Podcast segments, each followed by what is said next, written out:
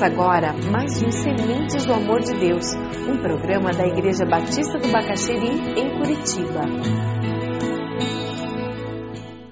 Para relaxar um pouquinho, os descendentes de alemão me perdoem. Tem uma historinha de alemão que eu ouvi que ilustra muito bem o início desse sermão. Diz que dois alemães que nunca tinham saído da colônia foram a Buda Alegre, foram visitar uma parenta que morava lá, a Mina. E eles foram até lá, já dois, duas pessoas idosas, quando chegaram em Porto Alegre, na porta do prédio, a mina estava na porta esperando o tio e a tia que tinham vindo pela primeira vez da colônia visitá-los, abraçaram.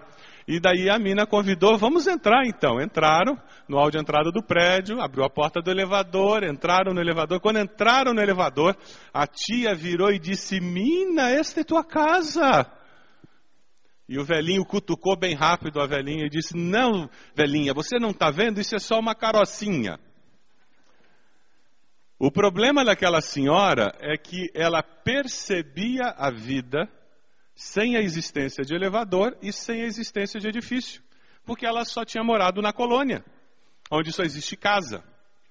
O nome disso, o nome técnico é cosmovisão. A cosmovisão influencia demais a maneira como nós vemos a vida. Aquela sobrinha estava vendo um elevador. O tio estava vendo uma carocinha.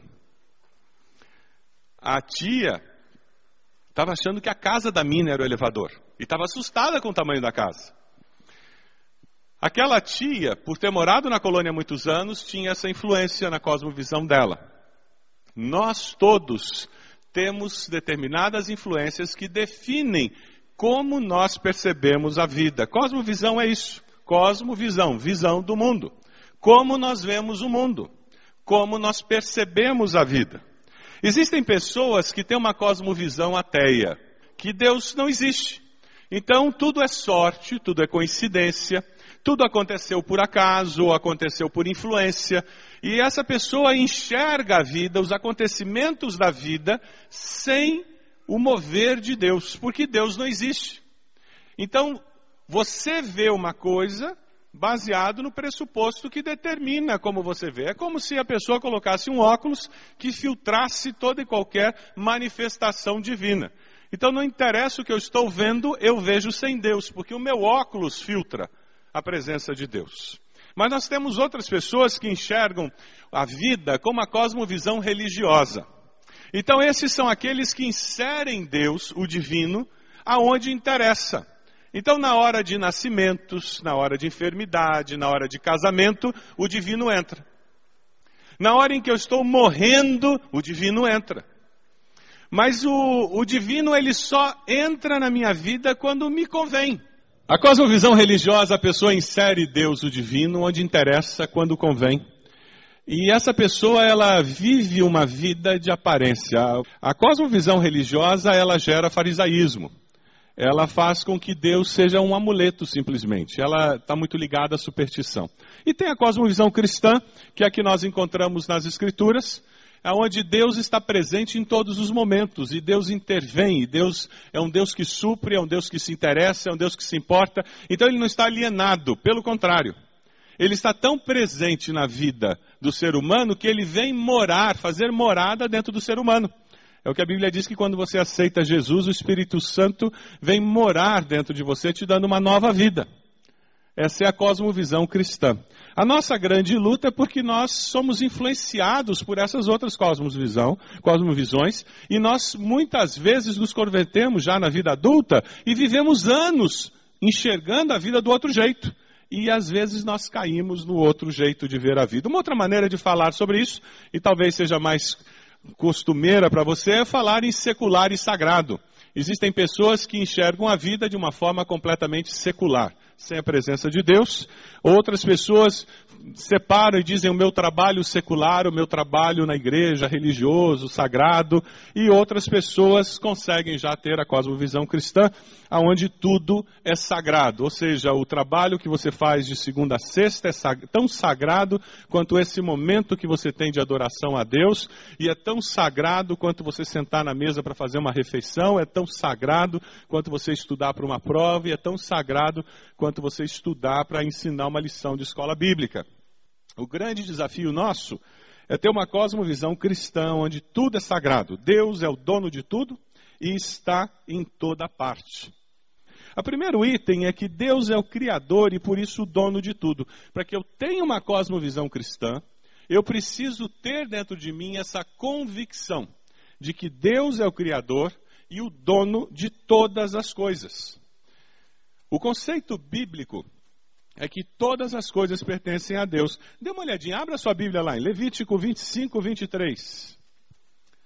No princípio criou Deus os céus e a terra. Isso está em Gênesis. Nós sabemos disso. E toda a terra pertence a Deus. Levítico 25, 23 diz o quê? A terra não poderá ser vendida definitivamente, porque ela é de quem? É minha. Eles, cada sete anos, eles tinham que devolver as terras e acabava com todo aquele aquele acerto de repassar a terra para alguém. Ou alguém ficou endividado, perdeu as suas terras e teve que dar aquelas terras em pagamento de uma dívida. A terra pertence a Deus, é isso que Deus está dizendo. Veja lá Salmo 24, 1. Do Senhor é a terra e tudo que nela existe. Muitos de vocês conhecem esse texto de cor. O mundo e os que nele vivem. Então não é apenas a terra, mas tudo que existe no mundo. Dê uma olhadinha lá, abra a sua Bíblia em Salmos 50, versículo 10. Salmos 50, 10. Não são apenas os bens materiais, mas todas as criaturas pertencem a Deus. Deus é o Criador de todas as coisas e Ele nunca abriu mão da sua criação. Esse conceito é muito importante. Deus nunca abriu mão daquilo que Ele criou. Pelo contrário, ele continuou zelando por aquilo que ele criou. Salmo 50, 10 a 12, nós lemos assim: Pois todos os animais da floresta são meus, diz o Senhor, como são as cabeças de gado, aos milhares nas colinas.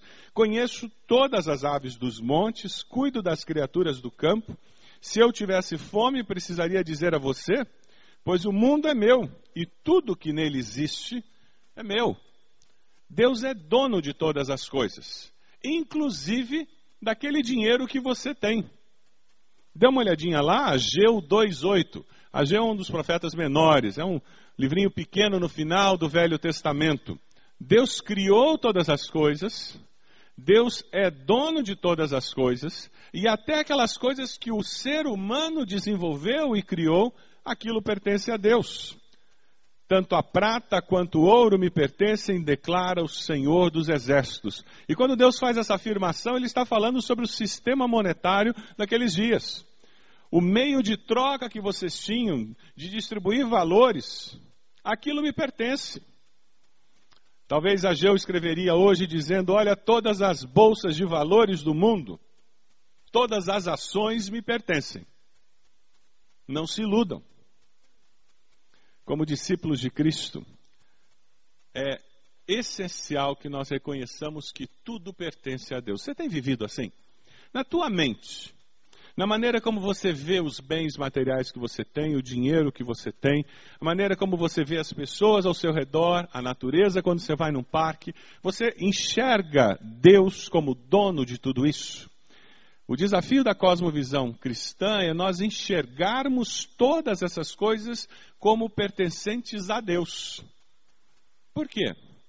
Porque a maneira como eu percebo tudo isso influenciará a maneira como eu me relaciono com esses bens, como eu me relaciono com essas pessoas. Aquela casa não é minha, é de Deus. Eu estou nela pela misericórdia de Deus. Aquele carro que eu tenho, ele não é meu ele é de Deus. Eu uso aquele carro pela misericórdia de Deus. Eu consigo ter aquela televisão, aquele DVD, aquele computador, ele não é meu. Ele é de Deus. Mas eu tenho aquilo para meu uso pela misericórdia de Deus, pela bondade de Deus. Sabe, é tão importante esse conceito que Jesus mesmo fala sobre isso em Lucas 14, 33. Dê uma olhadinha lá, Lucas 14, 33. Esse é um texto para sublinhar na sua Bíblia. Da mesma forma, qualquer de vocês que não renunciar a tudo o que possui, não pode ser meu discípulo. Qual é a condição para ser discípulo de Jesus? Então tem que fazer voto de pobreza? É isso que Jesus está dizendo? Muitas correntes cristãs entenderam assim. Eu não entendo assim porque Jesus nunca pediu isso de todas as pessoas com posses que o seguiam e que apoiaram seu ministério.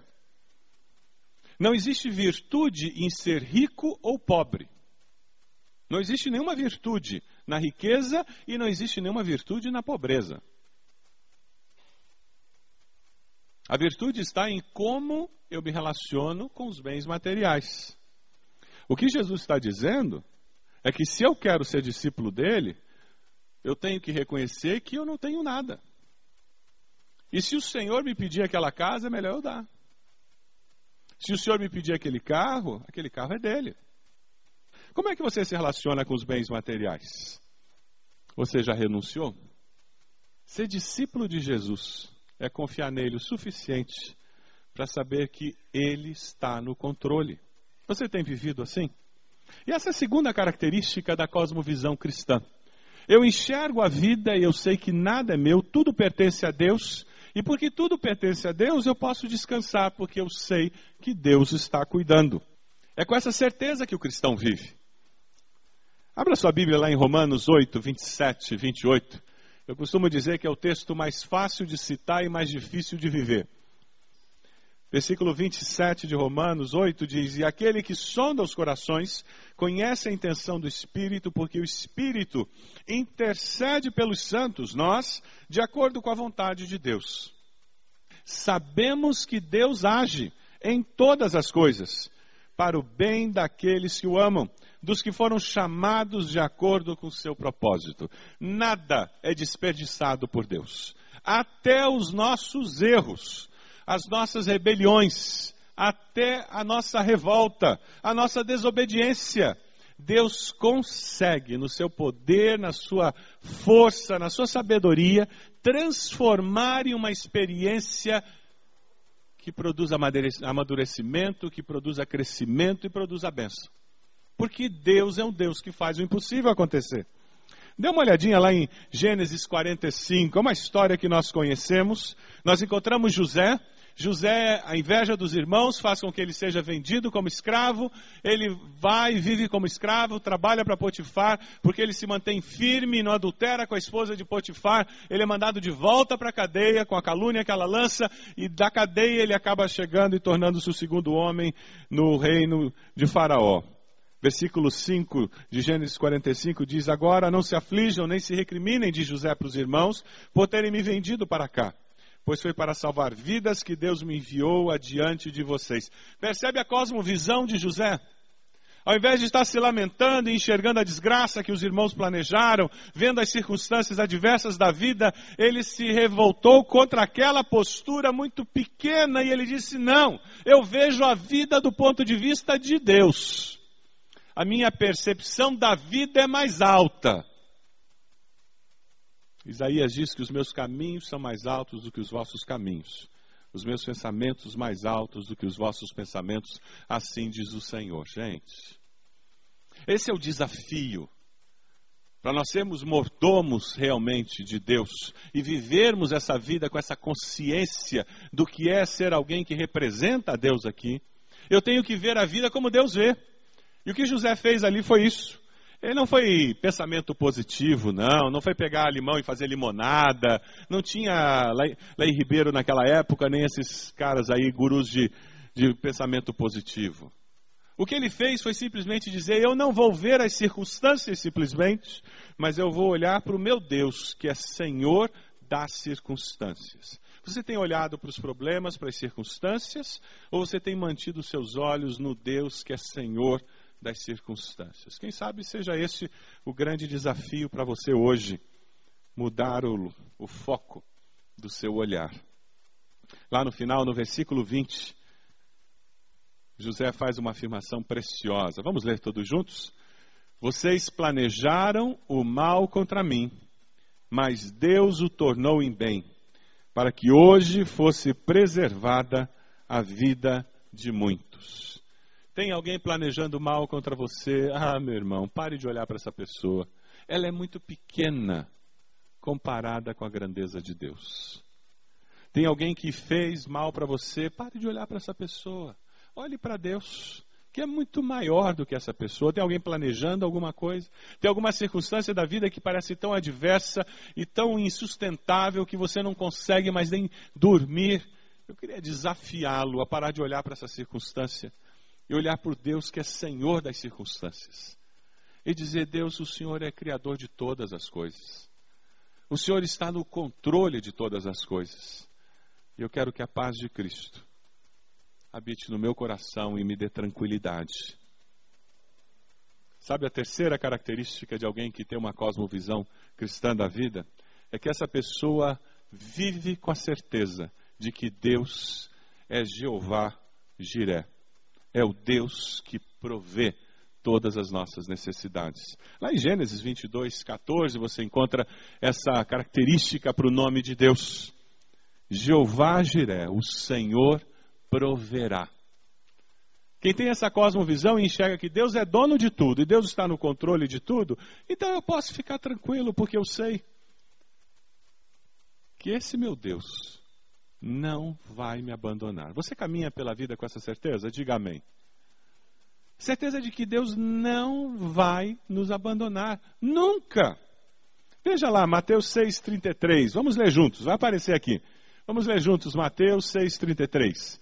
Busquem, pois, em primeiro lugar o reino de Deus e a sua justiça, e todas essas coisas lhes serão acrescentadas. É o que o texto está dizendo, busque a Deus. Porque quando você busca a Deus, Ele tem como mudar a sua percepção da vida, fazer você enxergar diferente.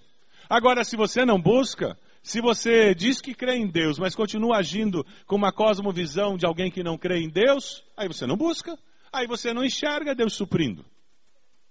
E é possível estar domingo na igreja e segunda-feira estar vivendo como se Deus não existisse. É possível. É possível separar secular e sagrado. Aí no domingo eu abro a minha repartição religiosa da vida. Vou lá, assopro a minha Bíblia, porque ela passou seis dias sem ser aberta, né? Porque durante a semana é o secular. Aí você assopra a Bíblia, dá uma folhadinha para descolar as páginas, Curitiba é muito úmida, então as páginas começam a criar bolor lá dentro. Aí você põe a Bíblia embaixo do braço e vem para a igreja. Quando você tem uma cosmovisão cristã, essa Bíblia aqui está rasgada, rabiscada, mexida, ela já perdeu cor, está soltando páginas, não tem problema não. Sociedade bíblica tem que vender mais Bíblia. Quando a Bíblia chega nesse estado, você põe na estante compra uma nova e começa a rasgar tudo de novo, a riscar, a usar, porque é para usar. Através de Cristo Jesus nós podemos viver com certeza de que Deus é por nós. Nós podemos viver com a certeza de que o Criador do universo nos criou e espera que nós vivamos em função dele. Porque aí nós vamos descobrir que, como ele cria de toda a criação, com muito mais amor, como ele cuida de toda a criação, com muito mais amor, ele cuida de nós, que fomos feitos à imagem e semelhança dele. De todos nós, por quem o seu filho morreu na cruz. Todos nós, que somos objeto do seu amor. Você tem vivido com essa segurança? Você tem enxergado as situações da vida assim? Agora é muito importante nós nos lembrarmos disso. Deus é previsível na sua fidelidade. Ele sempre supre as nossas necessidades. É previsível. É promessa na Bíblia. Você encontra de ponta a ponta na Bíblia isso. Mas prepare-se, porque Deus é imprevisível na sua maneira de prover as nossas necessidades. E aí é que está o legal da vida cristã. Aí é que está a adrenalina. Os jovens adolescentes aí, aí eles se identificam. A adrenalina vem daí. Eu não sei como. Gente, cá, cá entre nós, nós adultos, nós teríamos feito uma checklist, chegado na beira do Mar Vermelho e dizendo: não dá, Moisés, não tem suprimento para 40 anos no deserto. Vamos voltar e renegociar com o faraó. Não faz sentido. Agora, maná e depois codornizes. Ah, dá licença. Se você abrir lá em 1 Reis 17, 4, 6, você vai perceber que Deus diz para Elias: Você beberá do riacho.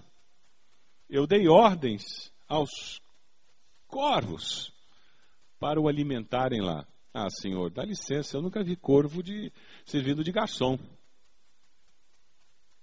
Tome a água do riacho e eu vou mandar comida pelos corvos. E se você ler no versículo 6, os corvos traziam diariamente, pela manhã e pela tarde, duas refeições por dia, pão e carne. Onde eles arrumavam isso? Deus suprindo, Jeová Jiré, o Senhor proverá. Os corvos traziam para Elias pão e carne de manhã e de tarde, e ele bebia água do riacho. E você, qual tem sido a sua experiência? Você tem olhado para o seu Deus e confiado que Ele é o Deus que supre as suas necessidades?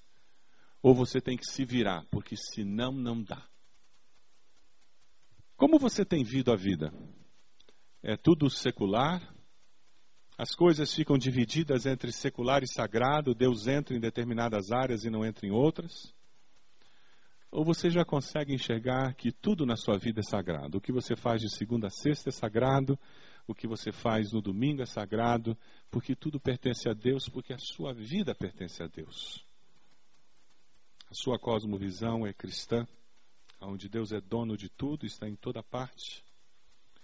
Eu queria que você estivesse nesse momento, dizendo: Senhor, eu de coração quero enxergar a mão do Senhor em todas as situações da vida. E o desafio vai ser que você esteja se colocando nas mãos do Senhor e dizendo: Deus, eu quero, eu quero te servir de coração. Eu quero usar meus bens para servir ao Senhor. Eu quero usar os meus dias, o meu talento para servir ao Senhor. Você pode fazer isso? Para ser discípulo de Jesus, eu tenho que abrir mão de tudo. E quando eu abro mão de tudo, aí eu descubro uma vida plena, que independe desse pouco que eu tenho nas mãos. Esse é o desafio. Como você responderá esse desafio do Senhor? Quem sabe você não tem sido fiel dizimista, regular, e você gostaria de assumir um compromisso com o Senhor hoje, dizendo: Deus, esse é o meu compromisso contigo. Eu quero fazer isso. Com esse gesto, você vai dizer: Deus, eu estou respondendo a um apelo do teu espírito hoje, a um desafio do teu espírito. E eu estou dizendo: eu quero viver com essa percepção da vida em que o Senhor é dono de todas as coisas. Dessa forma, você está dizendo: Deus, eu respondo positivamente esse desafio. Deus, eu tenho alguma coisa que eu preciso abrir mão e colocar no teu altar, porque eu preciso ter a certeza de que é do Senhor, não é meu. Eu quero usar para o Senhor. Eu não quero que a minha segurança esteja nesse bem, nesse curso, nesse título que eu tenho, nesse emprego. Minha segurança está no Senhor. Porque o Senhor é o dono de todas as coisas, é o criador de todas as coisas. Quem sabe sua vida financeira está um caos. E você não sabe nem como você pode ser dizimista. Deus sabe. E Deus quer que você tenha essa alegria, esse privilégio. Não interessa de quanto, interessa a decisão do teu coração e a tua fidelidade. Se coloque de joelhos dizendo: Deus, eu quero, me ajude a ser fiel e regular nos dízimos, nas ofertas. Eu preciso da ajuda do Senhor. E eu vou fazer isso pela fé, como expressão de fé.